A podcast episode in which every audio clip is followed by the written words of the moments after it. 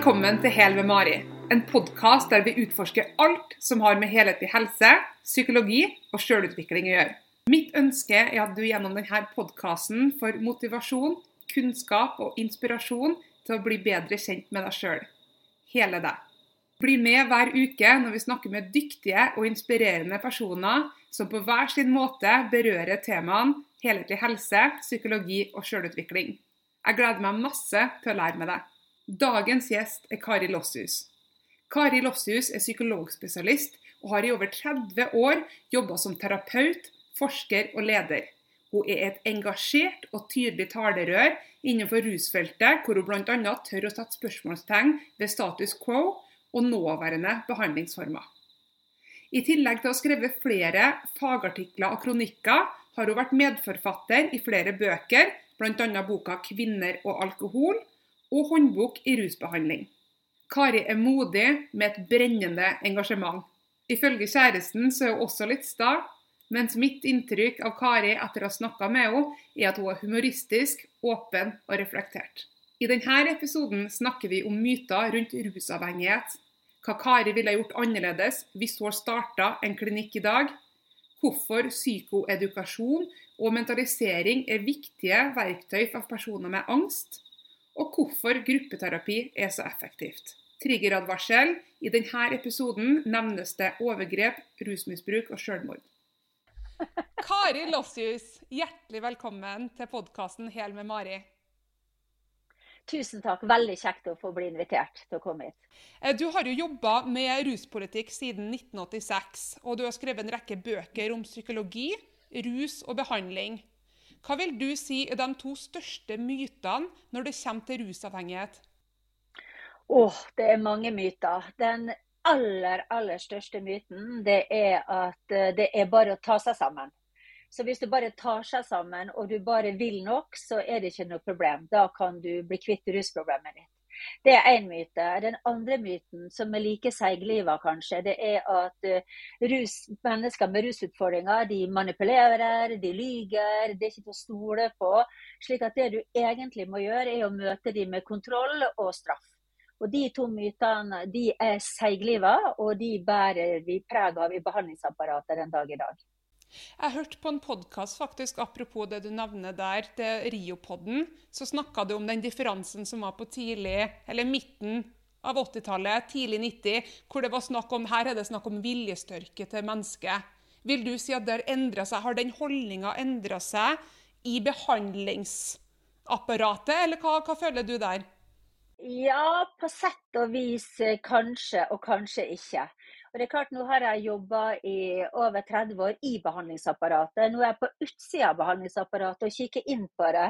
Jeg kikker for så vidt på min egen eh, karriere og hva jeg faglig sto for. Og det som er, Mari, er at eh, jo lenger jeg ser, jo mer bekymra blir jeg. Både for det som skjer i dag, og det som jeg også var med på. Og noe av det som vi nesten Altså, i gamle dager, det er ikke så lenge siden, så Eh, kunne en f.eks.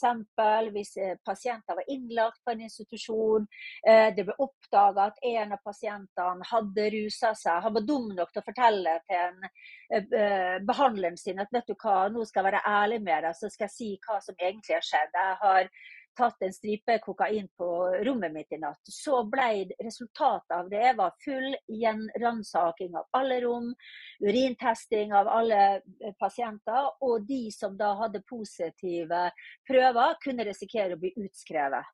Og Den moralismen den henger enda i. Og, og Fremdeles er det sånn jeg reiser ganske mange plasser rundt omkring i landet og veileder og diskuterer fagpolitiske ting. Og det er dette henger igjen den dag i dag. Altså at det er viljestyrt, og hvis du eh, ikke gjør det som vi sier i behandlingsapparatet, for vi tror at vi vet best for deg, så eh, straffer vi deg med å sanksjonere deg. Det er kjempeproblematisk. Det er, ingen, det er nesten ingen andre lidelser som blir møtt på den måten. Altså, tenk, hvis du, tenk hvis du hadde kreft, en alvorlig kreftlidelse, og så ble du lagt inn på sykehuset. Og så fikk du en behandling som ikke virka. Og Så kom overlegen og sa vet du hva, Mari, du er ikke motivert for kreftbehandlinga di. Du blir ikke bedre av det vi gjør. Sånn at uh, nå skriver vi deg ut, og så får du komme tilbake når du har fått mindre kreft. Altså det er litt sånn, Jeg vet at det er et sånt, litt sånn søkt eksempel, men det er litt sånn vi gjør i rusfeltet. Lykkes ikke behandlinga, så har pasienten, gir vi behandlere en tendens til å gi pasienten ansvar for det. Og vi i altfor lite grad ser på våre egne metoder. Er de gode nok? Er vi bra nok? Gjør vi den jobben vi skal gjøre?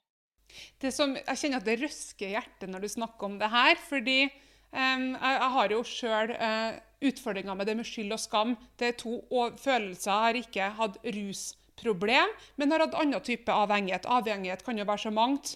Og det som jeg ser for meg når man har den der moraliseringa som du snakker om, hvor utfordrende det må være, fordi at da må jo, uten at jeg vet det med sikkerhet, men følelsen av skyld og skam eskaleres jo sikkert enda mer, og så blir det en voldsom negativ sirkel som gjør det kanskje enda vanskeligere for vedkommende å komme seg ut av det her. da. Ja, altså, og det er, jo, det er jo kontraindisert å tenke sånn, altså at vi behandlere tenker sånn. Altså, vi inviterer jo inn til en behandling. Det vi sier at uh, du skal ha tillit til oss, uh, vi skal støtte deg, og du må være ærlig og snakke om alt som er viktig for deg. Det, det er jo noe av det vi sier til dem. Og så, hvis de er ærlige og forteller helt nøyaktig hva de har gjort, så reagerer vi med sanksjon og utestengelse og avvisning. Så, så, hvem er det av en hvilken helst oppegående pasient som vil kunne si til en behandler jeg får ikke til dette her, jeg ruser meg på, på, rommet når jeg har lagt meg om kvelden, men jeg kan ikke si det til deg fordi jeg får skylda for at jeg ikke får det til. Og, og, og, det der fokuset nettopp fordi at vi da sier til pasientene det er egentlig du som har problemet, så påfører vi tror jeg, mer skyld og mer skam. Det er du som skal sitte med det. Og når du ikke har løst det nå, gitt all den gode hjelpa du har fått av meg, ja da kan du skamme deg enda mer. Så jeg tror at vi veldig ofte påfører pasientene våre mer skade enn vi påfører dem. Altså vi hjelper dem. Og det der etter et langt liv i, i tverrfaglig spesialisert rusbehandling, så kjenner jeg det hver gang jeg tenker på det. Eh, hvis jeg nå skulle kunne ha stoppa tida og begynt på nytt igjen, så ville jeg ikke laga den klinikken jeg sjøl har vært med på å designe. Jeg tar helt selvkritikk på det. altså. Hva har du ville gjort annerledes? Nei, jeg ville for det første tenkt at uh, rus på huset har ikke vært noe problem. Jeg ville hatt mye mer fokus på hva er det vi behandlere driver på med. Jeg ville ha sagt at alle, i alle overlappingsmøter nå, så skal ikke vi snakke om pasienten. Hva pasienten gjorde og ikke gjorde den natta. Vi skal snakke om oss sjøl. Hva er det for motoverføringer som vekker i oss når vi sitter med disse pasientene? Hva tenker vi at vi har gjort i dag som har vært bra i møte med pasienten? Har vi noen idé på at noe av det vi har gjort kanskje har vært skadelig? Og hadde mye større kritisk blikk på vår egen praksis. Det, det i hvert fall skulle jeg gjort. Og så skulle jeg tenkt at å få rus på huset er ikke det minste farlig. Eller folk som har spiseforstyrrelser, at de får tilbakefall. Det er en del av problematikken. Og det må vi ønske velkommen opp i dagslyset. Og det må vi snakke om og ikke skjule eller sanksjonere. Sånn at, eh, men så har jo også rusfeltet en utfordring i forhold til helsepolitiske myndigheter så hvis de fikk høre at her driver vi og gir penger til en institusjon der folk ruser seg så mye de vil, så er det ikke sikkert at det hadde politisk vært gangbart og mulig å gjort. Men det er den riktige behandlinga. Jeg hører at mye av det du sier, eh, har jeg vært eksponert til gjennom eh, jobben som Gabor Maté har gjort. Jeg vet ikke om du er kjent med hans arbeid. Han er lege i Canada som har spesialisert seg på avhengigheter. Eh, og han har jo forska på forholdet mellom barndomstraumer og avhengighet. Ut ifra forskning og din kliniske erfaring, hva er sammenhengen mellom traumer og avhengighet? Ja, den er, det er en sterk sammenheng. Og, altså, nå har jeg jobba snart som 40 år som psykolog. Jeg har aldri møtt en pasient som sa at vet du hva, Kari, når jeg ble 14 år, så tenkte jeg at hva skal jeg bli i livet? Jo, det er rusavhengig jeg skal bli. Jeg skal bli rusavhengig, jeg skal få leverskade når jeg er 50 år, jeg skal dø av overdose når jeg er 60. Jeg har ikke møtt en eneste pasient som hadde det som et mål. Men jeg har møtt haugevis av nesten alle som forteller om barndomstraumer, som forteller om enten fullstendig ubrukelige foreldre, ubrukelige skoler, mobbing på skolen, eller onkelen som var barnevakt og gjorde alt annet enn å passe på Eh, fotballtreneren som ikke var interessert i om du kunne skåre mål, han var interessert i andre ting. Altså overgrep, mishandling. Altså det ligger, det ligger traumer i kjølvannet av uh, rusutfordring. Og de aller fleste hadde det. Og det er jo det som er så ille. Også, de aller fleste har vært utsatt for en eller annen form for traume. Så får de etter hvert psykiske problemer. Uh, og det er, De aller fleste har jo bunnen en kompleks PTSD. Så får de psykiske problemer. Så lages dette om også til en personlighetsforstyrrelse. Uh, så får du på en måte som et individuelt problem. Det er du som er det individuelle problemet.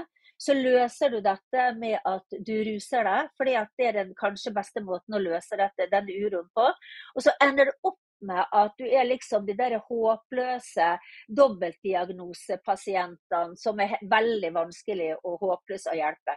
Slik at det går ifra et helt klart påført traume til at du blir sittende med hele regninga alene.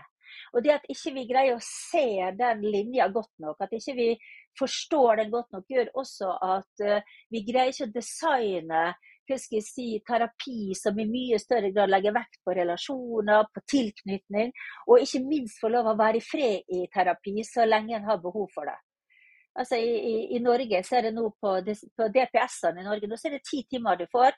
Kanskje får du 20, og så er du ferdig. Og det eneste vi sier med det, ja, vi har kartlagt deg. Jo, du har en alvorlig diagnose. Nei, vi har ikke tid til å hjelpe deg. Jeg tenker, hva var det for en hjelp? Det er jo horribelt. Er det en endring som har skjedd nå? Ja, det, og det som er problemet med DPS, er jo det at de sliter jo med at antall sengeplasser, altså langtids er halvert de siste 20 årene. Altså Vi har mista plasser for de aller dårligste, de som virkelig virkelig trenger langtidsbehandling. Og Det er f.eks. mennesker med dobbeltdiagnose, rus og psykiske problemer. Det er jo de som trenger å få lov å være over tid i terapi. Som trenger kanskje et halvt år på å bli trygg på behandleren sin. Eh, jeg har jo en privatpraksis nå med såkalt ressurssterke pasienter. Og, og, de er jo sånn de sier tja, det tok et halvt år før jeg kunne stole på deg. Gikk det an at jeg tenker at sånn, du virkelig kunne forstå meg? Og den hemmeligheten jeg har ikke sagt til noen, den kan jeg si nå. Et halvt år.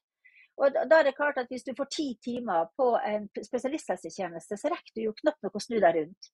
Så vi har et, et helsesystem og en, eh, altså, helsepolitiske utfordringer som jeg ikke kan huske var i gamle dager. Og jeg syns det har vært en markant endring den siste tida.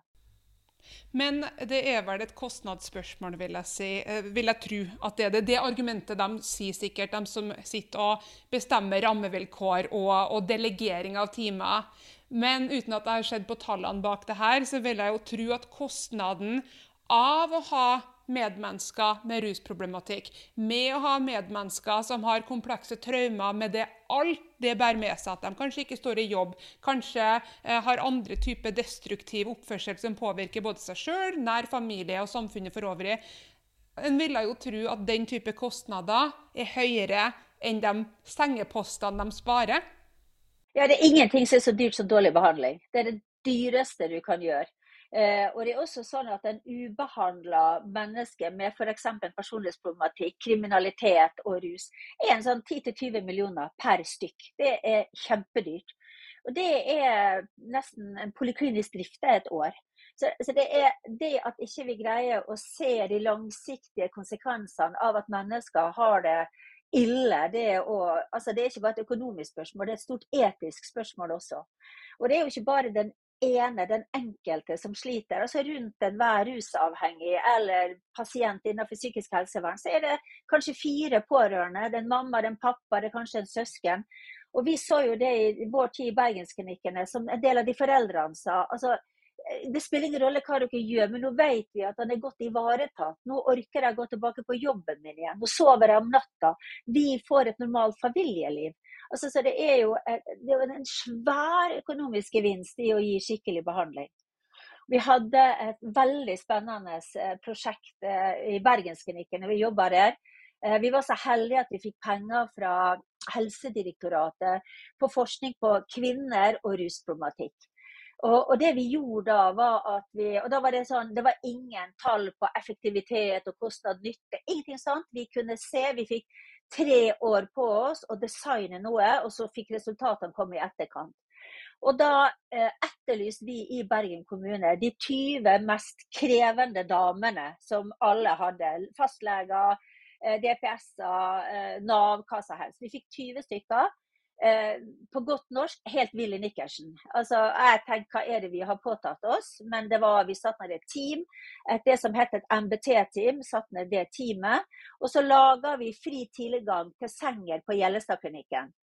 Så fikk disse damene Til å begynne med så var det altså jeg, tenkte, jeg sov nesten ikke om natta. De var innlagt akuttmedisinsk, overdoser. Altså det var, eh, det, var, det var, et hav av ressurser de brukte.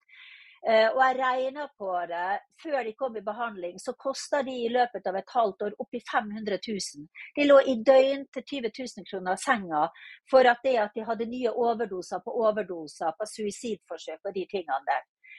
Og så sa vi det at OK, vi gir dere en sjanse. Så fikk de da på disse tre årene litt sånn få lov å regulere seg sjøl. Så fikk de bruke sengen på Gjellestadklinikken så mye de ville. Første halvåret brukte de det en del. Allerede da begynte kostnadene å gå ned. For da brukte vi ikke lenger de dyre somatiske sengene, da brukte vi de mer billigere sengene på Gjellestadklinikken. Så etter et halvt år så begynte så noenlunde masse rusing, men de, de var ikke lenger inne i somatikken og de dyre psykiske helsesengene. Så når det begynte å bli stabilisert, så ga vi de tilbud om eh, kombinert gruppeterapi og individualterapi. Og det ville de overhodet ikke, i hvert fall ikke gruppeterapi. Så fikk vi de gradvis lirka over til at de kunne komme i, i individualterapi. Flotte terapeuter som satt der. Og gradvis så tenkte jeg jo, kanskje, muligens, så skal vi gå i individualterapi. Og så gjorde de det en stund. Og så sa vi det at hvis du skal fortsette individualterapi nå, så må du begynne gruppeterapi. Det var jo helt forferdelig. Det ville de ikke. Var, men vi, de ga oss ikke. Og det var, altså Vi hadde jo drop-out på drop-out på drop-out. Altså hadde det vært et vanlig system, så hadde vi avskåret disse pasientene for lenge siden. Men så etter en stund, etter et halvt år til, ett år til, så begynte de å tusle inn i gruppeterapi. Og jeg fulgte med denne gjengen, for jeg så dem på video. Jeg så, så videoopptak av dem eh, ofte. Og da så vi plutselig at vi kunne se disse damene som snakket at jeg var i gruppe i dag, og det var egentlig ganske interessant. Og så gikk det ett år, og da var denne gruppa godt stabilisert. De gikk poliklinisk, de gikk til individualterapeuten sin, de gikk i gruppeterapi. Og etter to og et halvt til tre år så hvis du spurte disse damene da, så var det veldig, mye var veldig kjekt, men ingenting var så kjekt som å gå i gruppeterapi. Og de var rusfri. Altså av 20 så døde to tidlig i prosjektet, og resten gikk det kjempebra med eh, etter de tre årene. Og jeg regner på hva det kosta. Så fra at de var sånn ca. en halv million på en 17 ukers eh, sekvens, så var de nå nede i 17 000 per samme sekvens. Vi har, vi har, spart samfunnet millioner bare på det prosjektet der. Altså vi, er, vi, er, vi skulle vært på børs. Rusfeltet skulle vært på børs fordi vi har så god avkastning. Men da må vi få lov å drive på med det vi skal drive på med, og vi må få lov å være faglig, og vi må få lov å ha den tida det trenger. Og det tar tre, i hvert fall tre år. Eh, og hvis du har en personlighetsproblematikk, så tar det tre år. Og det er ikke sånn at hvis du da dropper ut etter to sesjoner, så mister du plassen din. Altså Du er nødt til å tenke helt annerledes. Da er det lønnsomt å drive terapi.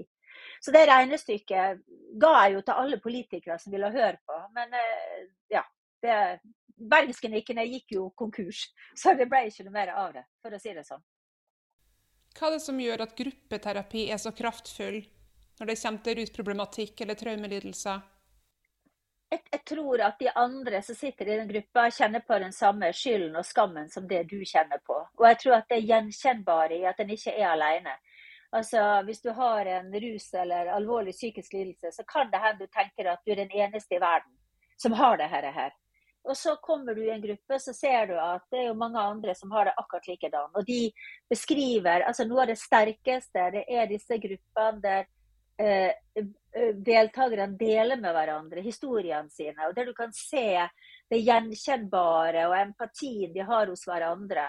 Og jeg, hadde en pasient som uttrykte det så utrolig godt. Hun sa det at uh, jeg har alltid tenkt at det var noe feil med meg. At det var, at det var masse med meg som var gærent. Men så kom jeg i gruppeterapi, og så så jeg disse flotte damene som satt i gruppa. Og så tenkte jeg at når de er der, og de er så fine, så kan det, og de ligner på meg, de ligner jo litt på meg, så kan det hende at det går an at jeg kan tenke at det er noe bra med meg også. Og, og, og deltakere kan jo si ting som uh, vi terapeuter ikke kan si. De kan være direkte på en helt annen måte enn hva vi kan være. og De har en, en effekt på hverandre som er veldig virksom. Så gruppeterapi, det har jeg veldig tro på. Hvis det er noen som lytter på podkasten nå, og som sitter på gjerdet, som kanskje har fått tilbud om å delta på en gruppeterapi, hva vil du si til dem hvis de nå sitter og kjenner på at egentlig tør jeg ikke, det her blir flaut, jeg skammer meg, jeg, jeg tør egentlig ikke å dra? Hva vil du si til den personen som sitter og vurderer? Da vil jeg si at uh, hvis du gjør det, så er kanskje den beste investeringa du har gjort i livet ditt. Og hvis du kommer til en gruppe som er en vanlig gruppe, standardgruppe, så vil du bli møtt med varme, forståelse. Du blir møtt med folk som er interessert i å hjelpe deg. Og du blir møtt eh, med noen som ligner på deg, og du er ikke alene lenger. Husk at vi mennesker vi er flokkdyr. Altså, vi er I et evolusjonsperspektiv så har vi det veldig dårlig å være alene. Og ingenting er mer ensomt enn å være rusavhengig med psykiske problemer som ikke har søkt hjelp, for er du helt alene. Da tenker du at det er ingen andre som har det sånn som meg. Så bare det å bryte ut av det er bra for helsa uansett. Så det vel, akkurat det har veldig få skadevirkninger. Så da vil jeg sagt eh, hopp av gårde. Ring til terapeuten og hør. Eh, få en samtale, få litt sånn info om hva det er, og stille opp. Og er det helt jævlig, så går du hjem, og så har du prøvd det. Du har også snakka om det med, det med kjønn i, i gruppesettinger. Eh, hva, hva, er normen der for dem som kanskje har opplevd overgrep og syns settingen med å være en gruppesetting er ubehagelig? Hva er standarden der? Er det inndelt i kjønn, eller er det blanda, eller hva kan man forvente seg? Nei, og det er jo klart at Når jeg snakker nå, så snakker jeg bare på vegne av meg sjøl. Og det er fordi at jeg vet at det er ikke sånn over hele Norge. Jeg har jobba hele livet mitt med å Og det er kanskje gammeldags i disse nye litt sånn kjønns... Eh, eh, på en måte overskridende eh, tidsalderen. Men jeg har vært helt klar på det. Innenfor rusfeltet så vil jeg ha rene kvinnegrupper og rene mannsgrupper. I Stiftelsen Bergensklinikk så delte vi hele klinikken på kjønn. Og det var sånn at kvinner som kom til oss, kunne være helt trygge på at de skulle ikke møte en eneste mann, verken som behandler eller pasient, hvis de ikke ønska det. Og kvinneavdelingene var lukka for menn.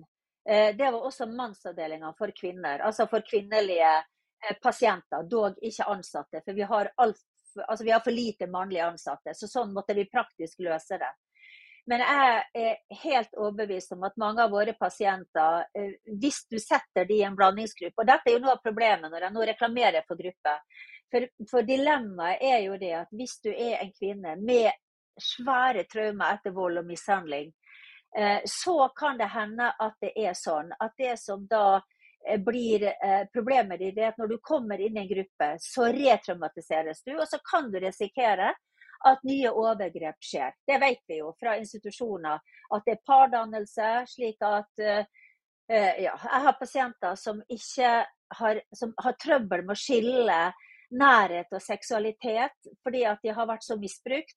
Så det å tenke at de skal liksom ikke kunne liksom, at, de skal sette grenser for sin egen seksualitet på en institusjon, det tenker jeg det er for mye forlangt. Mye enklere å dele det. Så, eh, men der er jeg kanskje en Og jeg, jeg, er en gammeldags dame, en gammel feminist, så det kan godt hende at jeg har gått ut på dato, men jeg mener det den dag i dag. Sånn at når jeg har privatpraksis nå, så har jeg delt på kjønn. Og jeg, jeg ville aldri gjort det annerledes. Enda det er ganske oppegående pasienter, så ville jeg ikke gjort det annerledes. Og det handler, ikke, altså det handler om seksualitet, det handler om det å kunne snakke om ting, det å kunne dele eh, bekymringene om underlivet ditt, utfloden din, barna du mista fordi at du ikke greide å ha omsorg for dem. Alle de tingene der, det tenker jeg det er noe som kanskje ikke eh, jeg skal jeg sjøl ville ikke blitt sittet i et fellesskap med menn og diskutert det. Og jeg, jeg bruker å si at uh, til alle behandlere er at uh, syretesten er om du ville kunne mottatt din egen behandling. Og da er det sånn at Hvis du tenker, sett at du er kvinne, rusavhengig, store psykiske problemer, Eh, seksuelt misbruk når du var fire år, prostituert deg fra du var 13, eh, to barn, ett når du var 17, ett når du var 20 år. Begge er i fosterhjem. Eh, du har hatt en kjæreste de siste årene som har mishandla deg, du har hatt en del prostitusjonserfaring. Akkurat nå så er du lagt inn på klinikken Lykkeland. Eh, du skal i gruppeterapi. Du har en utflod som er illeluktende. Du er redd, du vet ikke hva det er for noe. Du tør ikke gå til gynekolog. Ville du ha sittet i en gruppe som da er på sånn kjønn i rusfeltet, så er det 70-30, ti pasienter Syv menn og tre kvinner. Du er en av de tre kvinnene. Vil du snakke om utfloden din i den gruppa? Om overgrepene, om mishandlinga? Jeg ville ikke gjort det. Jeg tror ingen andre av uh, tilhørerne her ville gjort det heller. Men vi tillater de svakeste, eller de mest si, utsatte gruppene, de gir vi en behandling vi sjøl ikke ville hatt. Det er problematisk i seg sjøl.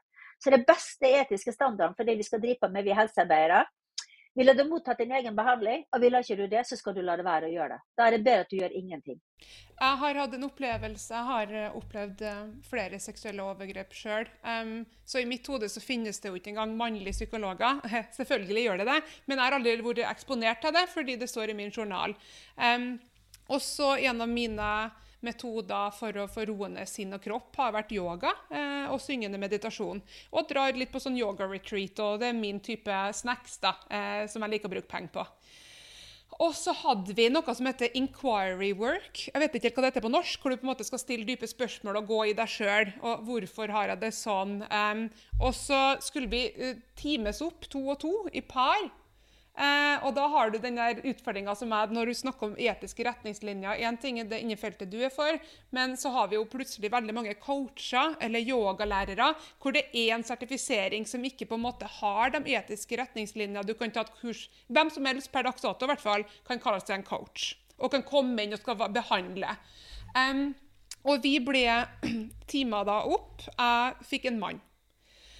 Og apropos det der med grensesetting. Jeg, ikke, jeg kjente jo fysiologisk allerede Dette var en trygg setting. altså Det var gjeng jeg har vært med en hel uke. Det var en yogafestival. Um, jeg følte at jeg var i utgangspunktet trygg. Og så skulle jeg sitte ansikt til ansikt med en mann. Jeg turte ikke å si 'det her vil ikke'. Eh, nervøs, jeg var fysisk kvalm. Hjertet dunka. Eh, og gjennomførte da denne oppgaven vi skulle ha i lag. Flink pike, typisk. Jeg skal ikke være til bry. Eh, og det tok meg Jeg, nesten, jeg blir nesten litt uvel bare jeg snakker om det. Og det tok meg sikkert 48 timer før jeg evna til å regulere. Så når den oppgaven var ferdig, gikk rett inn på den soverommet, hylgrein. Gråt og gråt og gråt og var uvel. og synes det her, Han gjorde jo ikke noe feil, men, men, men det ble triggende fordi jeg måtte sitte så tett mot en fremmed mann. Og da kan jeg bare tenke meg hvordan det her i en sånn type setting, spesielt med de utfordringene som kanskje kan komme opp om det er misting av barn, eller må til gynekolog, eller de kvinneproblemene som menn ikke kan eller skal være eksponert til. Ja, altså jeg husker det jeg husker veldig godt fra Gjellestadklinikken i sin tid. Det var når tidlig karrieren min. Hadde, da hadde vi laga kvinnetime. Så det hadde vi laget. Vi hadde begynt å diskutere feministisk psykologi vi hadde på en måte begynt å sagt at jo, kvinner må få lov å være kvinner. Men så hadde vi verdens skjønneste mannlige psykolog, Kristen. Han var på kvinnetime. Og, og, vi var så fornøyd med Kristen. Og vi, vi dyrka jo Kristen, for han var jo så skjønn, han var så flink, og han var mann.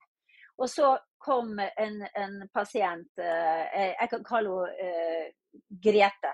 Eh, jeg har fått lov å fortelle historien hennes, men, men, men jeg har anonymisert den veldig godt nå. Men, men, Grete var en sånn, og det er mange mange, mange år siden. Hun kom inn fordi at hun hadde en ekstrem mishandlingshistorie. Og hun hadde masse rus. Og hun kom fra Haukeland, og, og, legen sa til meg at eh, det er haugevis av bein i kroppen hennes som har vært knekt opp gjennom tidene. Hun er ekstremt mishandla. Og så tenkte jeg at OK, nå skal hun få det beste vi kan få. Hun kan få kristen. Psykolog kristen. Han heter ikke det, men vi kan kalle han det. Eh, så var det veldig rart, for hun ville ikke ha terapi. Og hun var innlagt i syv måneder og ville ikke ha terapi i det hele tatt. Hun ville snakke med sykepleierne som var der. Men, men, hver gang psykologen kom, så sa hun at hun hadde hodepine eller hadde det travelt, eller hva det nå enn var så var vi, fordi at vi var liksom i startfasen av forskning og liksom skal en ha sånne kvinneteam, og hva er det med dem, så ble vi uh, evaluert av Universitetet i Bergen. Og da er det at uh, Grete hun slår så altså, uh, Verdien av psykologhjelp var så lav, så da tok de et ekstra dybdeintervju med henne. Og så sier hun at Jeg vet jo det at Kristen var en snill psykolog. Jeg, jeg vet jo det, men, men, det gikk ikke an allikevel. For, for, det som Kristen hadde sagt, er at uh, kom inn, Grete, nå går vi inn på kontoret mitt. Nå slår jeg på det lyset her. Da er det ingen som kommer inn til oss. Så vi er helt lukka inni her. Ingen kommer inn og forstyrrer oss. Når jeg slår på det andre lyset, da lyser det et, et rødt uh, lys utafor. Og da er det det lydtett her, og ingen kommer inn. Så her kan du skrike og si akkurat hva du vil. Sant? Standardsvar. Hun var jo livredd. Hun var jo så retraumatisert, så hun brukte altså syv måneder på å unngå terapi. Og det var fordi at ikke vi, vi trodde jo at vi ga henne det beste vi kunne gi henne, men vi hadde ikke vett nok til å forstå eh, hva traumatiserende vold er, hva viktig det er med kjønn. Altså, vi var blind på det.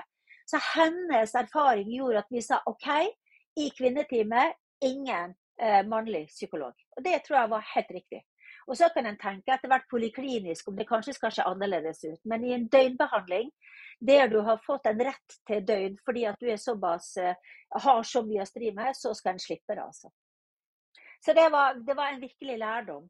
Og jeg tenker det er nettopp det, Du beskriver det så godt. sant? Du sitter ressurssterke Mari. Du vet på en måte med hodet ditt at alt er greit, men kroppen din sier noe helt annet. Og du er retraumatiseres. Og det, og det der, der er skadelig. På sikt er det skadelig. Og tenk på de som da ikke får noe annet valg og sier at det er, denne, det er denne terapeuten du skal ha.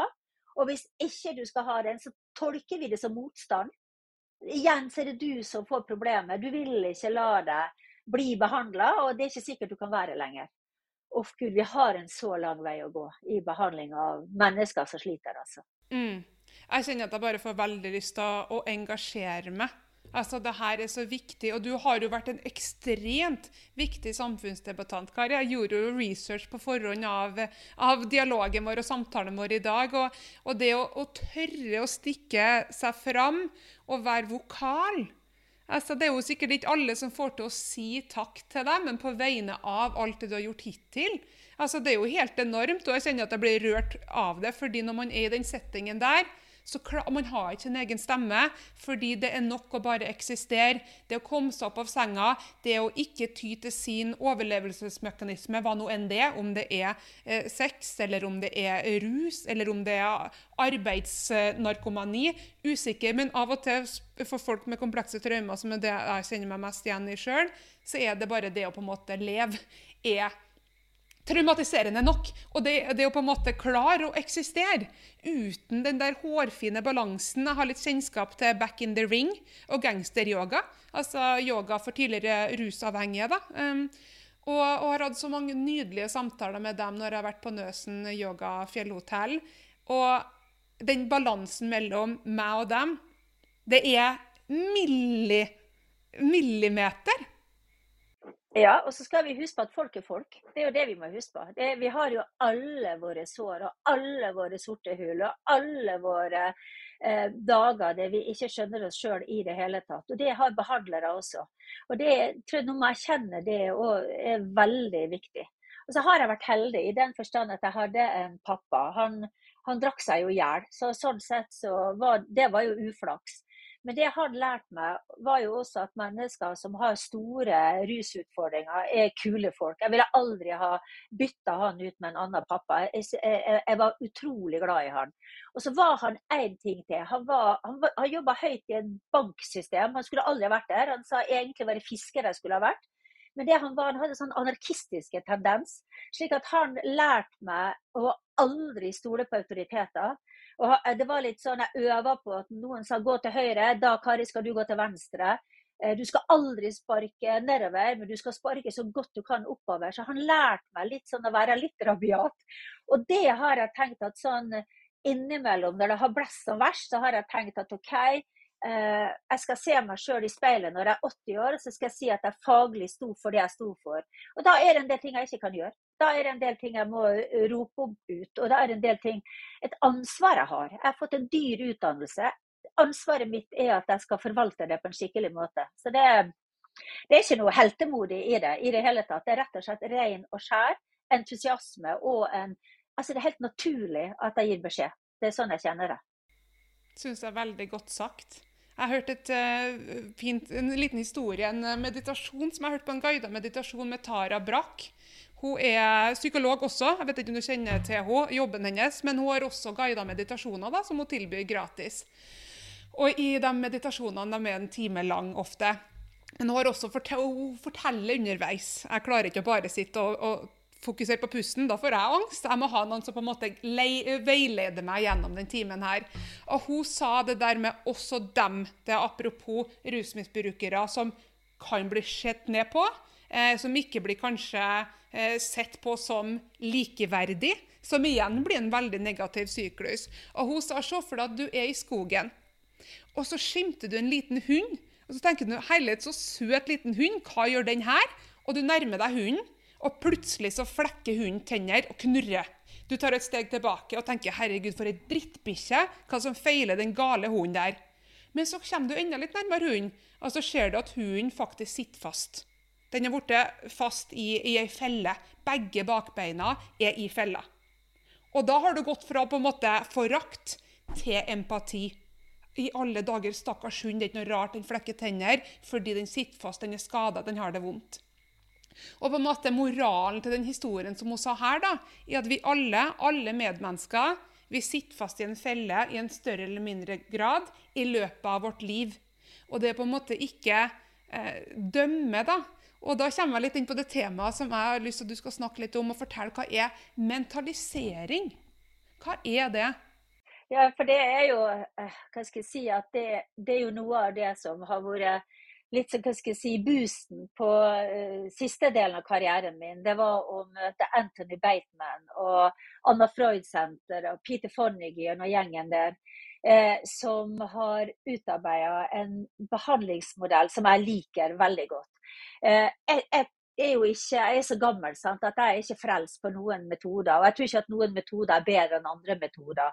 Og jeg tror ikke mentaliseringsbasert behandling nødvendigvis er bedre enn andre metoder. Men jeg tror det er viktig å ha en metode, på en måte en sånn hva skal jeg si, briller på deg når du jobber med, med, med utfordrende eh, situasjoner og mennesker. Eh, men jeg liker den fordi at eh, eh Men ikke bedre, så bruker den for at den er, den er veldig god på sånn avskamming. Altså den, den, har et enkelt evolusjonsperspektiv i hvordan mennesker er. Og det er så bra både for min egen del som terapeut og menneske, eh, men også i møte med andre altså møte med pasienter eller andre folk for den saks skyld. Min idé om at det eneste jeg vet litt om, det er meg sjøl og ingen andre. Og alt annet må jeg finne ut av. Og, og Bateman og Fonnigy de, de lager jo denne modellen, altså de utvikler denne modellen etter at de har sett hvordan kvinner med det som den gangen het en borderline-diagnose, altså ustabil personlighetsforstyrra kvinner i England, innlagt i institusjon, så ettersjekka de noen år etter innleggelse de som hadde fått behandling, tilsvarende med en gruppe uten behandling. Og så viste det seg at de som ikke hadde fått behandling, var friskere enn de med behandling. Og da er det jo sånn at jeg kan tenke at her er vi et helsevesen som er direkte skadelig. Og så gikk de sammen en gjeng entusiaster med de, sammen med noen andre tilknytningspsykologer, utviklingspsykologer, og så lager de det som heter mentaliseringsbasert behandling. Som nå er en anerkjent metode over hele verden. Eh, og i rusfeltet så ble den innført med, med, Anthony Bateman. Og en utrolig spennende reise vi i Bergensklinikken fikk lov å ha med han. Han var veilederen vår i over ti år. Eh, og det er en, en, en forståelse, det er en, en, modell som går på hvordan forstår du at mennesket er menneske. Hva er spesielt med oss som mennesker? Det er en, metode som sier holdningene dine til, i møte med andre. Hvilke holdninger har du?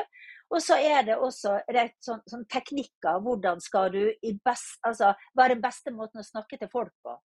Uh, og, og, noe av det aller mest befriende jeg syns det var med mentaliseringsdosert behandling, det var det at jeg skulle slutte å være tankeleser og ekspert. Det var så befriende at jeg skulle få lov å spørre folk hva det var de tenkte.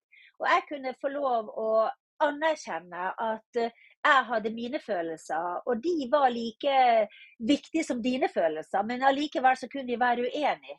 Og den der at uh, Mentalisering handler jo om å forsøke å forstå den andre fra innsida, og ikke minst se seg sjøl fra utsida. Hvordan fremstår jeg? Og det at en tenker at uh, mitt sinn er Det er ingen som kan se inn i mitt sinn. Det er ingen som kan tankelese meg. Så hvis jeg skal formidle noe om hva som er inni meg, så må jeg faktisk si det. Eh, og det samme er det med, med, med min, eh, også, si, de jeg snakker med. Jeg vet ikke hvordan folk eh, tenker før jeg har spurt. Så det er en sånn metode som er å være nysgjerrig på folk og ha respekt for folk. Og være interessert i hvordan folk er det tenker og er, og syns det er spennende. Det er, det er noe av det aller fineste med denne metoden. Den er laga primært for mennesker som har en personlighetsproblematikk. Den er glitrende også i forhold til mennesker med, med rusproblemer. Den, den, eh, den øh, øh, forskningsstudien jeg fortalte fra Bergensklinikken, det var bygd på mentaliseringsbasert behandling. Sånn at den, den er effektiv på mange, mange, mange områder. Eh, og den er også eh, Jeg bruker den mye i min privatpraksis på såkalte ressurssterke mennesker som er i jobb og greier seg bra. Og den er en veldig nyttig metode der også. Og så er det å minne om uh, en annen av mine helter som heter Wempel, som sier at uh, teknikker Det er viktig at vi kan teknikkene våre. Vi, kan, vi må kunne faget vårt. Men det er ikke det som gjør oss til gode terapeuter. Det er nysgjerrigheten vår, det er ydmykheten vår, det er evnen vår til å faktisk være interessert i den pasienten vi snakker med. Og jeg tenker at uh, det gjør jo at jeg har verdens beste jobb. Altså, jeg, jeg, får betalt for å være nysgjerrig på andres liv. Altså, det er helt utrolig interessant at det går an å få en sånn jobb, rett og slett. Så MPT kjempespennende. Uh, og som sagt, uh, det er kanskje liksom i ja, altså holdninger, tankene på det. Og så er den veldig fin fordi at den har et evolusjonsperspektiv. Altså hvorfor får vi angst, hvorfor får vi frykt? Hva er det som skjer inni hjernen vår? Som gjør at er du redd, er du redd. Da, du, da, da går det ikke an å ta seg sammen. Og er du redd, så er det jo fordi at det er en grunn til å være redd. Jeg hadde, jeg hadde en eh, artig case med med en eh, pasient jeg hadde på kontoret for en stund siden. En eh, stor, høy, sterk mann i en direktør i et digert firma som har kjempesosial angst. Så for han var eh, det å gå på styremøter vanskelig. Altså det var masse som var vanskelig. Så satt vi oss ned, og så istedenfor å ha så veldig masse terapi, hva er det du føler på nå, så hadde vi time med psykoedukasjon. Om hjernen og frykten. Og vi snakka om hva er det som skjer, hva er mennesket? Sant? Tenk på mennesket når vi var for Altså hjernen vår er jo sånn 20 000 år fremdeles. Den har jo hatt lite endring siden sist.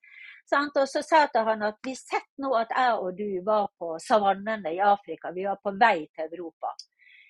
Og da ville jeg gått med deg, fordi at du er mye reddere enn hva jeg er. Og det ville betydd at din fryktreaksjon, din liksom overvåkenhet for farlige ting, ville ha gjort at vi hadde sett løver før alle andre. Så du ville ha vært fordi at du er så observant, så ville du og meg selv lammene og sov og blanke blaffen, så ville du vært våken og passa på. Så du hadde sannsynligvis gjort at vi kom oss til Europa. Og Det syntes han var veldig bra. Så kom han tilbake og så sa han at han hadde hatt en god samtale med sin kone. Og der han hadde sagt til kona at psykologen har sagt at takket være meg, så er vi nå kommet til Europa, hele gjengen.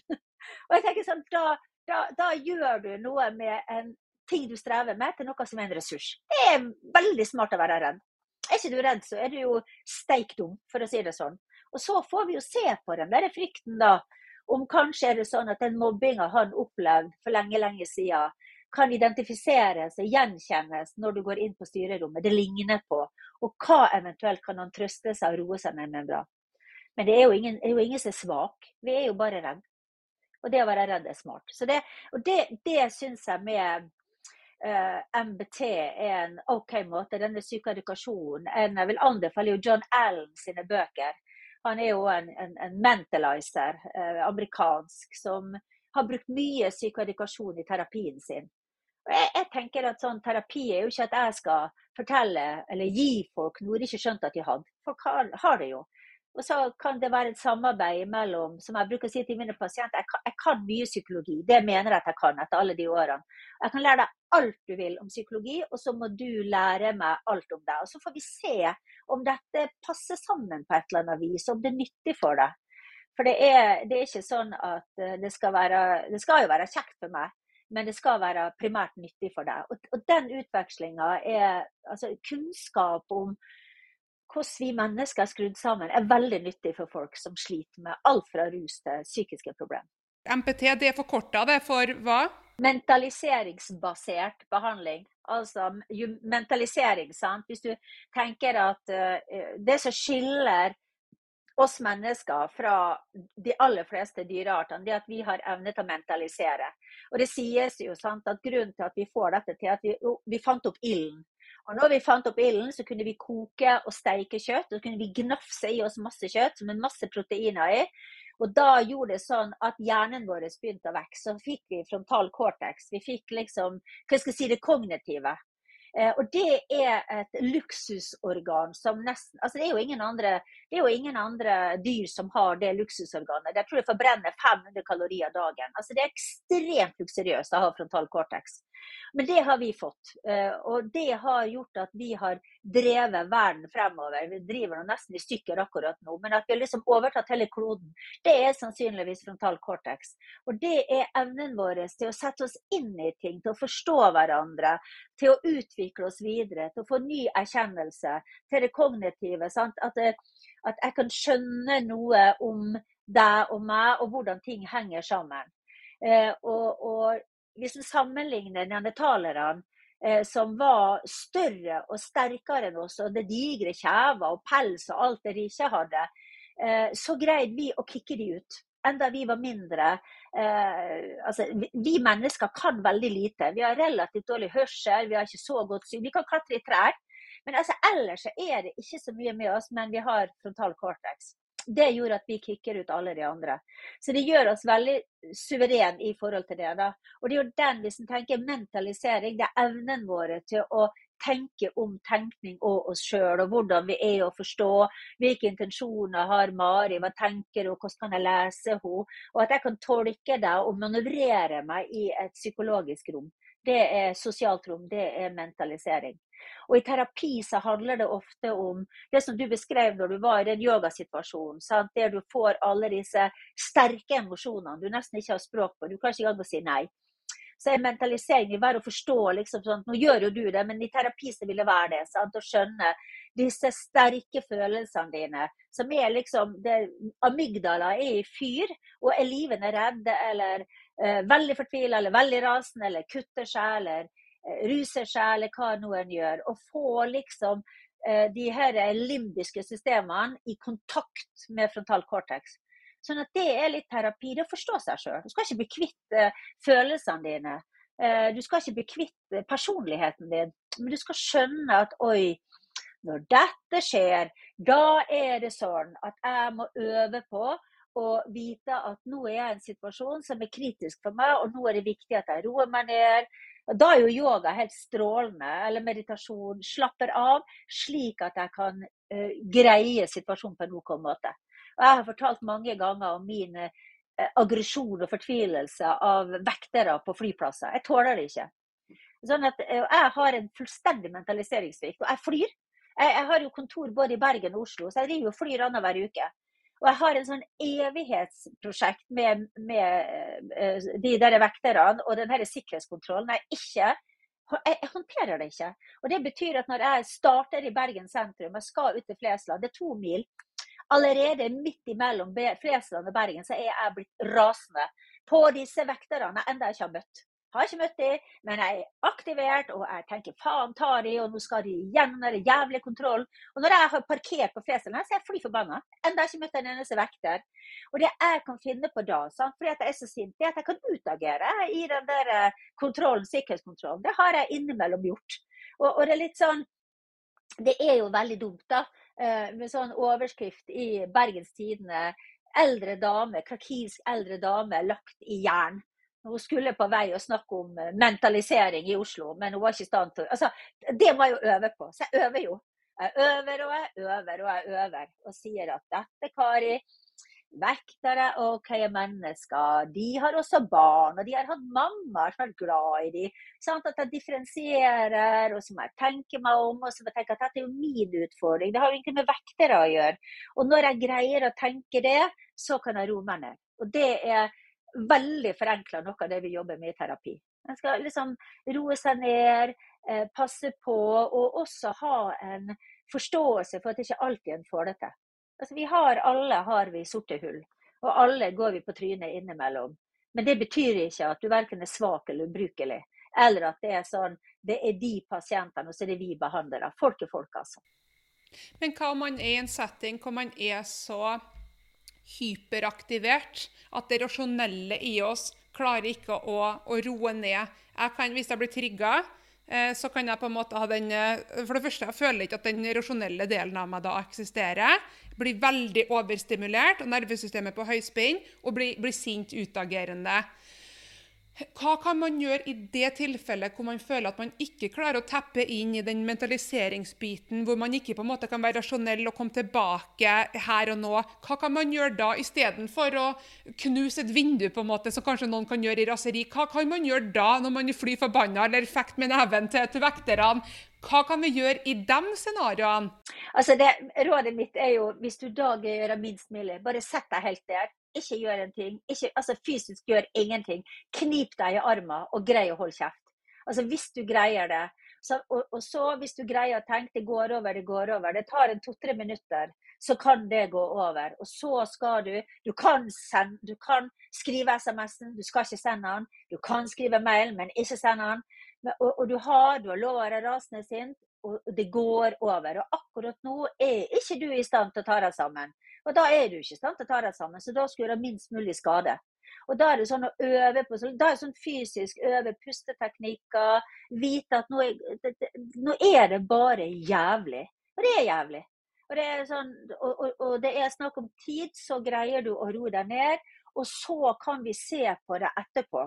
Sånn, da kan vi se på det etterpå. Hva var det egentlig som skjedde? Og så kan vi kanskje finne ut oi, her er det en trigger jeg ikke var klar over så er jeg klar over dem til neste gang. For nå er jeg jo klar over disse vekterne.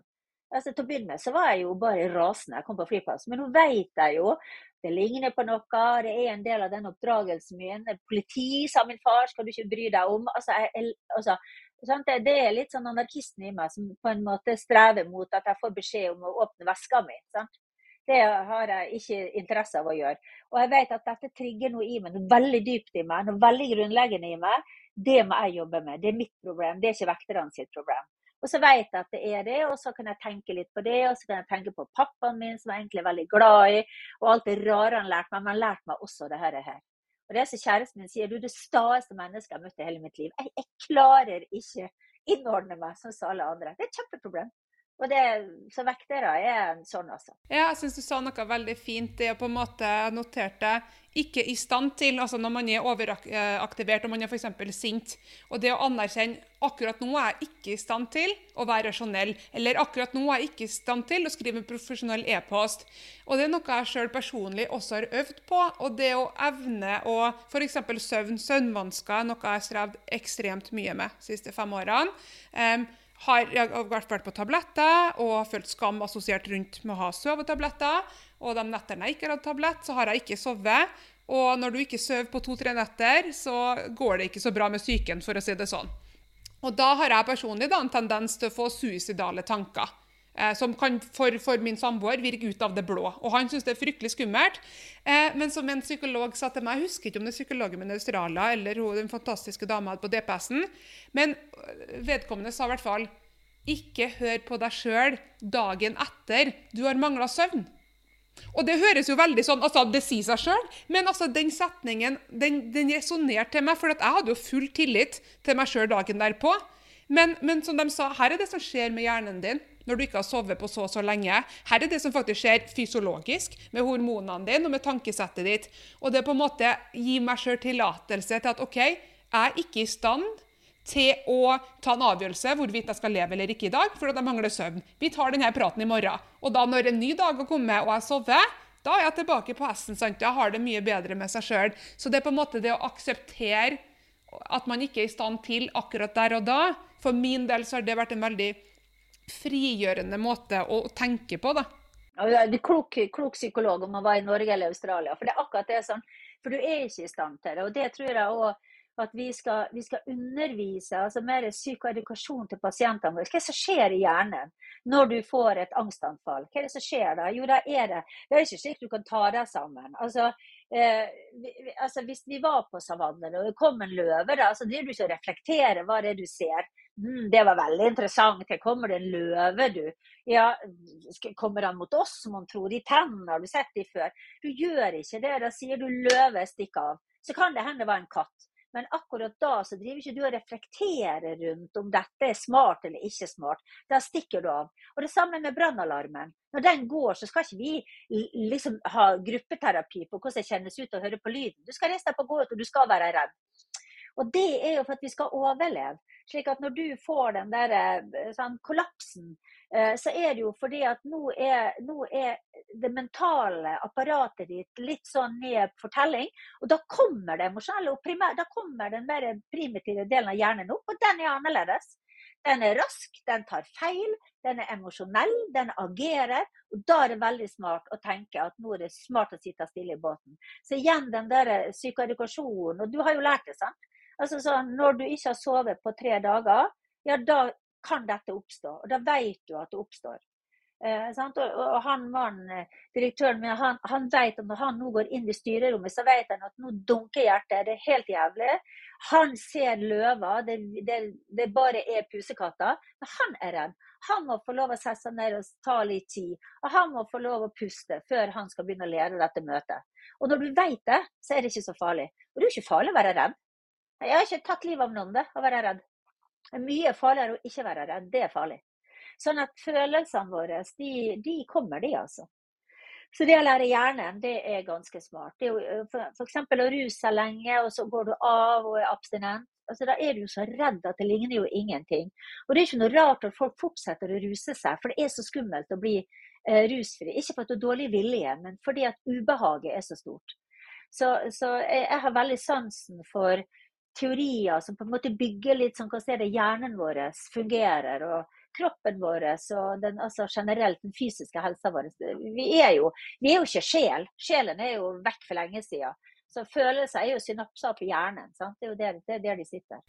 Vil du si at det også er et bra tips til eh, om det er en datter, sønn, altså et barn eller forelder eller en samboer, ektefelle, altså den vedkommende som bor med og lever med en person enten med rusproblematikk eller voldsomme trøggere, triggere pga. Eh, traumer i barndom, oppvekst. Hva kan de gjøre? Altså, igjen for å ha et eksempel her. De suicidale tankene er kun en eh, idealisering av en mulig utvei som gjør at jeg får ro tenker ikke aktivt på det, handle, har ingen aktive tanker på å handle på det. Men det er nesten som en rar trygghet. For min samboer, som ikke noensinne har hatt sånne tanker, så er det her horribelt og ekstremt skummelt. Rett sånn nesten ringe 113, her er det krise i heimen. Og så prøver jeg så godt jeg kan å forklare hvordan jeg har, har de tankene, men at jeg skal ikke på en måte handle på det. Um, vil du også si, for Jeg har vært åpen om min mentale helse på sosiale medier, bl.a og at jeg har diagnosen da komplekse traumer. Og noen av spørsmålene jeg har fått, er fra enten ektefelle eller barn av personer med komplekse traumer. Hva kan vi gjøre? For vi forstår ikke vedkommende. Vi forstår ikke triggerne, vi forstår ikke handlingsmønsteret. Hva kan vi gjøre? Vil du si det å på en måte det å denne psyko, psykoedukasjon, hva det du kalte det? Ja. ja. ja, Psykoedukasjon. Ja.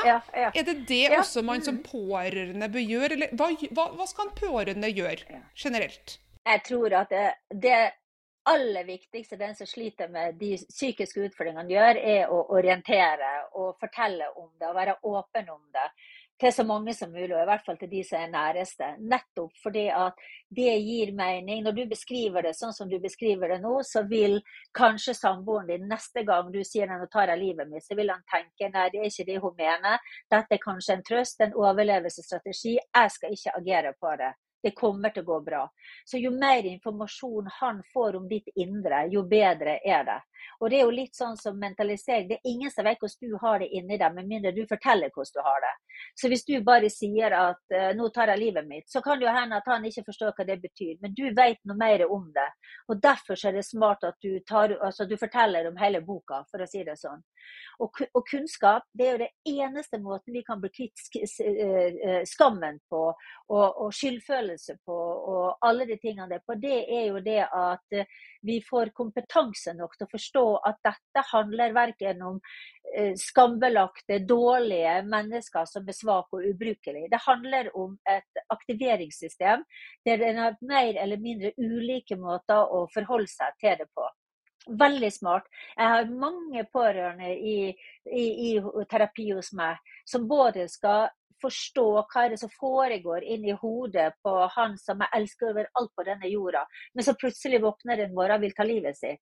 Altså Hvordan forstå det, og også hvordan er det jeg har det som pårørende i å orke å leve i dette her. For jeg elsker han overalt på denne jord, men det er så slitsomt, og jeg blir så redd. Så Det er enormt viktig. Så det at du er åpen på media om det, er dødsviktig. Jeg har en datter som har fortalt om pappaen sin som tok livet sitt. Uh, og jeg tenker Det det smarteste vi kan gjøre, det er å si at jo, i våre familier så har vi opplevd både det ene og det andre. og Det er, det er i alle familier. Og det eneste måten vi kan gjøre, det er å snakke om det. Det, det, er, det er, det eneste vi kan gjøre. Det er det beste. Så jo mer åpen en er, jo bedre er det. Og, og jeg tenker at uh, Det er jo mange som kan si ja, men altså, legg det ut på sosiale medier. Jeg tenker det er helt flott. Det er det, det virkelig du kan bruke sosiale medier til. Det å opplyse om det som nesten ingen snakker om. Eh, hvordan er det å ha en alvorlig psykisk utfordring? Hvordan er det å være utsatt for overgrep og mishandling? Hvordan blir livet etterpå da? Hvis en ikke har opplevd det, så vet en det ikke. Og da er det veldig lett å dra feile konklusjoner på de menneskene en ser. Så det må du bare fortsette med, Mari. Takk for det, Kari. Mm. Og jeg kjenner jo nå bare jeg snakker om det, så kjenner jeg at jeg blir litt varm og føler meg eksponert. Og jeg kjenner jeg må innrømme det, at jeg kjenner at en, en følelse av skam kommer krypende. Og shit, nå sa jeg det her offentlig og høyt. Og det er sånn avslutningsvis, Timen har gått fryktelig fort, og det har vært så trivelig å snakke med deg. Men avslutningsvis, for dem som av ulike årsaker strever med den voldsomme følelsen av skam, hvilke små steg kan vi gjøre for å på en måte redusere denne følelsen som er så hemmende og skadelig? Ja, jeg, altså Hvis vi fant liksom oppskrifta, så hadde vi sikkert blitt nobelprisvinner, vil jeg tro, i medisin.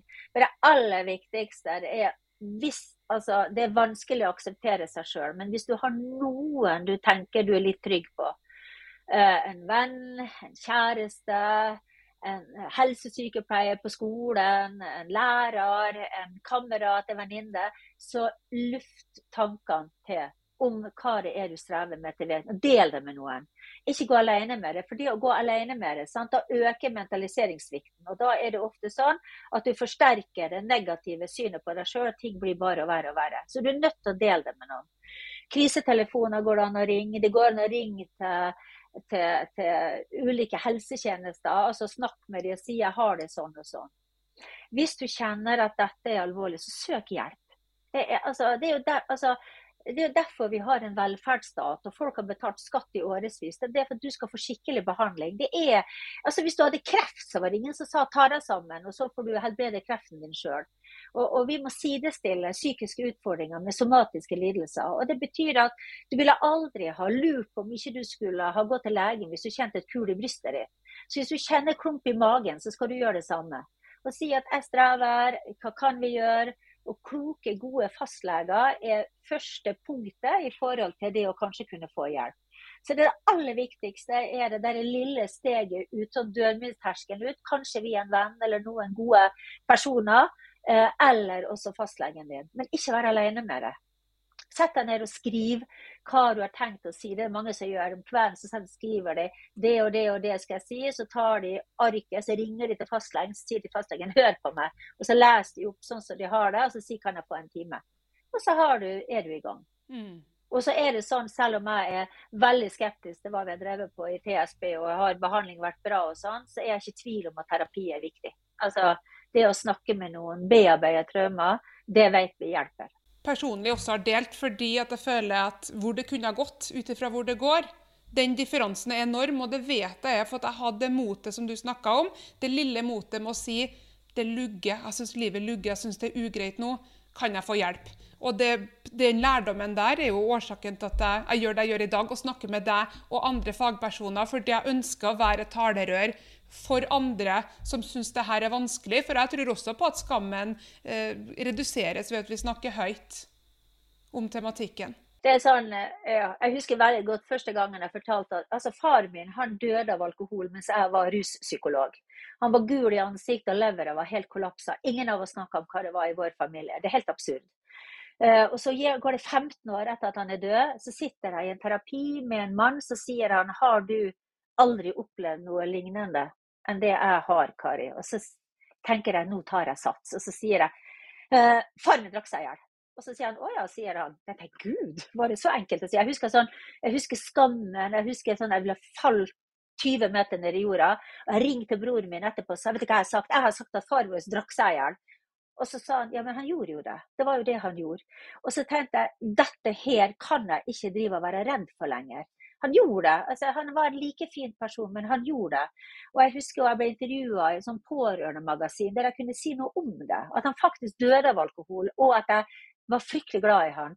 Og i løpet av, Jeg la det ut på Facebook. I løpet av et døgn så hadde jeg over 1000 like. Jeg hadde mailboksen min full av eh, pårørende, andre rusavhengige, altså mennesker med rusutfordringer som sa vi har det sånn vi også, men vi tør ikke å snakke om det.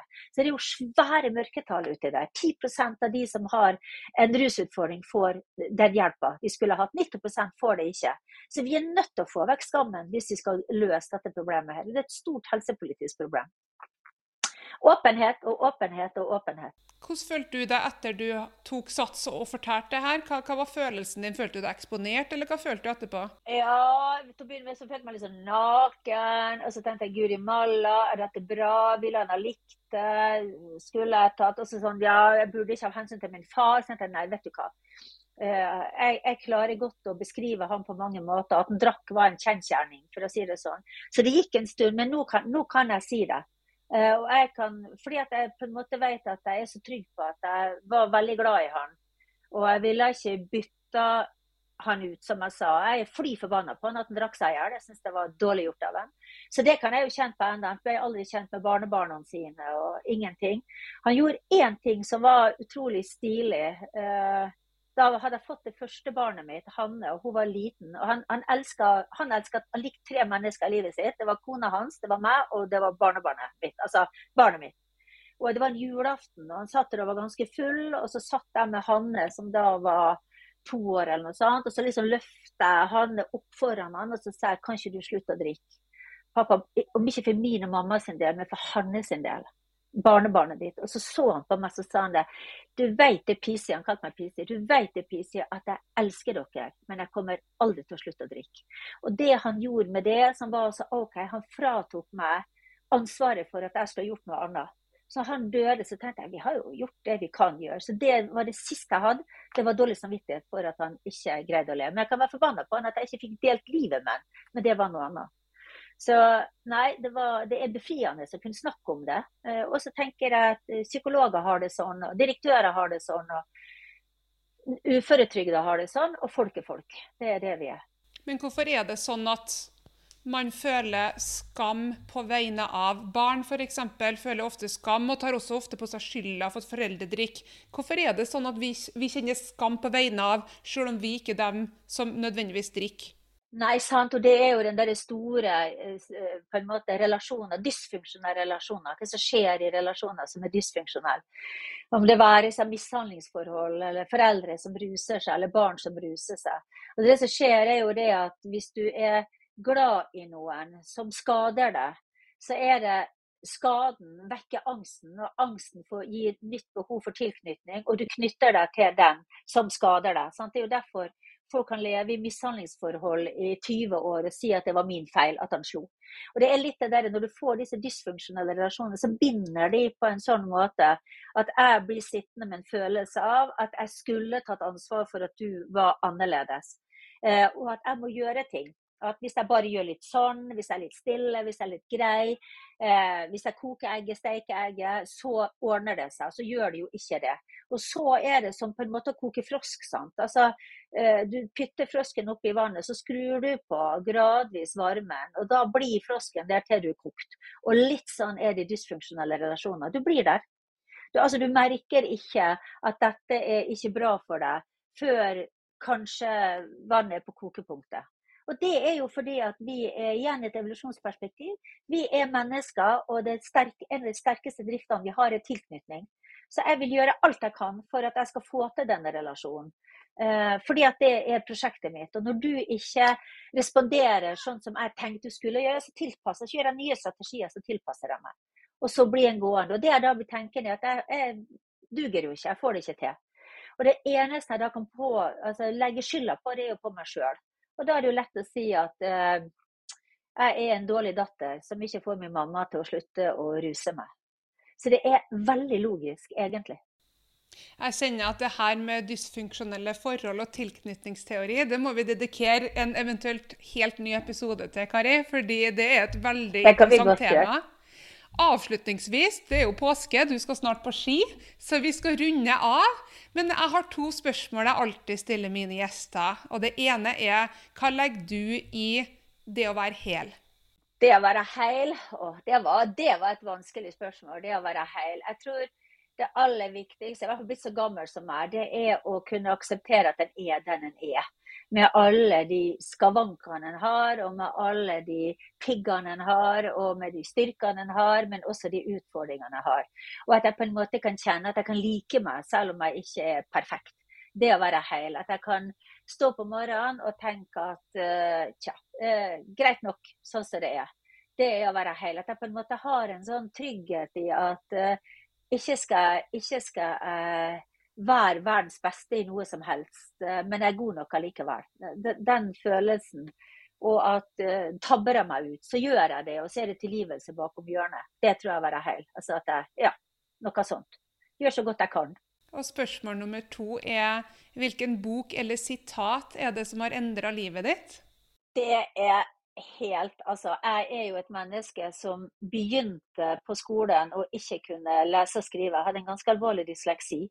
Eh, så jeg var pytta i en eh, spesialklasse sammen med de slemme barna i Kristiansund. Så jeg gikk, på, jeg gikk, i en spesialklasse og var såpass god i matematikk at de begynte å lure på om jeg kanskje ikke var så dum som det de trodde at jeg var. Og jeg, jeg hata bøker, jeg hata å lese, eh, og det var det verste jeg visste. Og så er det at jeg kommer på gymnaset, så lenge har det gått. Og jeg har aldri likt bøker. Og der har jeg en norsklærer som av alle ting eh, elska Hamsun, og fortalte om Hamsun sine bøker. Og det jeg husker, det var møte med Jeg kan si hva jeg vil om Hamsun politiske ting, det, det, er ikke bra. Men han var en fantastisk forfatter. Og det jeg husker, det er første gangen jeg leser om Victoria i Hamsun sine bøker, sine bøker og jeg kjente at jeg kunne sitte her og tenke at litteratur er kult. Så det er den boka som har gjort størst inntrykk på meg. Og så var det fordi det var så vanskelig å lese. Jeg leste Morgan Kane-bøker. Hvis noen vet hvem Morgan Kane var. Det var sånn pocketbøker som en trønder skrev. Eh, så det var, jeg, jeg fikk min litterære eh, på en måte sånn oppdragelse gjennom Knut Hamsun. Og, og, og han het Halbing eller noe sånt, i hvert fall Morgan Kane. Så, så, jeg har hatt en kronglete vei i forhold til det å lese. Og jeg har også hatt den derre eh, betydningen av å være verst i klassen og møte en lærer som sa Eh, sånn jeg gikk niende. Alt var helt forferdelig. Jeg måtte dumpe, jeg gikk tiende. Det gikk rykter om denne grusomme dama Lossius. Og inn kommer det en lærer i tiende som sier det at vet du hva, Kari, jeg har visst at du skulle være eleven min. Det har jeg visst i hele sommer. Jeg har gleda meg sånn, for jeg skal bli kjent med deg. For jeg er ganske sikker på at du er egentlig ganske snill. Da tok han meg sammen, og så ble jeg en flink student. Han var den første som så. Så Hamsun, Kane og en veldig klok lærer. Det var det som på en måte redda meg fra noe annet. Du har skrevet bøker og du holder foredrag. Hvis noen av dem som lytter nå, ønsker å nå tak i deg, hvor kan de finne informasjon om det? De finner det inn på hjemmesida mi, eh, eh Så Der finner dere kontaktannonser, altså kontaktmuligheter, alt mulig litteratur jeg har skrevet også. Og så har jeg jeg har Facebook-sider også. Både en som heter Mentalisering, og en som heter Kari Lossius psykologpraksis. Og så har jeg en åpen Facebook-side som alle andre kan lese så mye de vil. Det er Kari Lossius. Men hjemmesida mi finner du litt sånn litteratur og CV-en min og de tingene der. finner du der. Og kronikker jeg har skrevet. Tusen hjertelig takk for jobben du gjør på vegne av oss alle, og ikke minst tusen takk for at du stilte opp i podkasten Hel med Mari. Tusen takk for å bli invitert. Det var kjempekjekt å være her.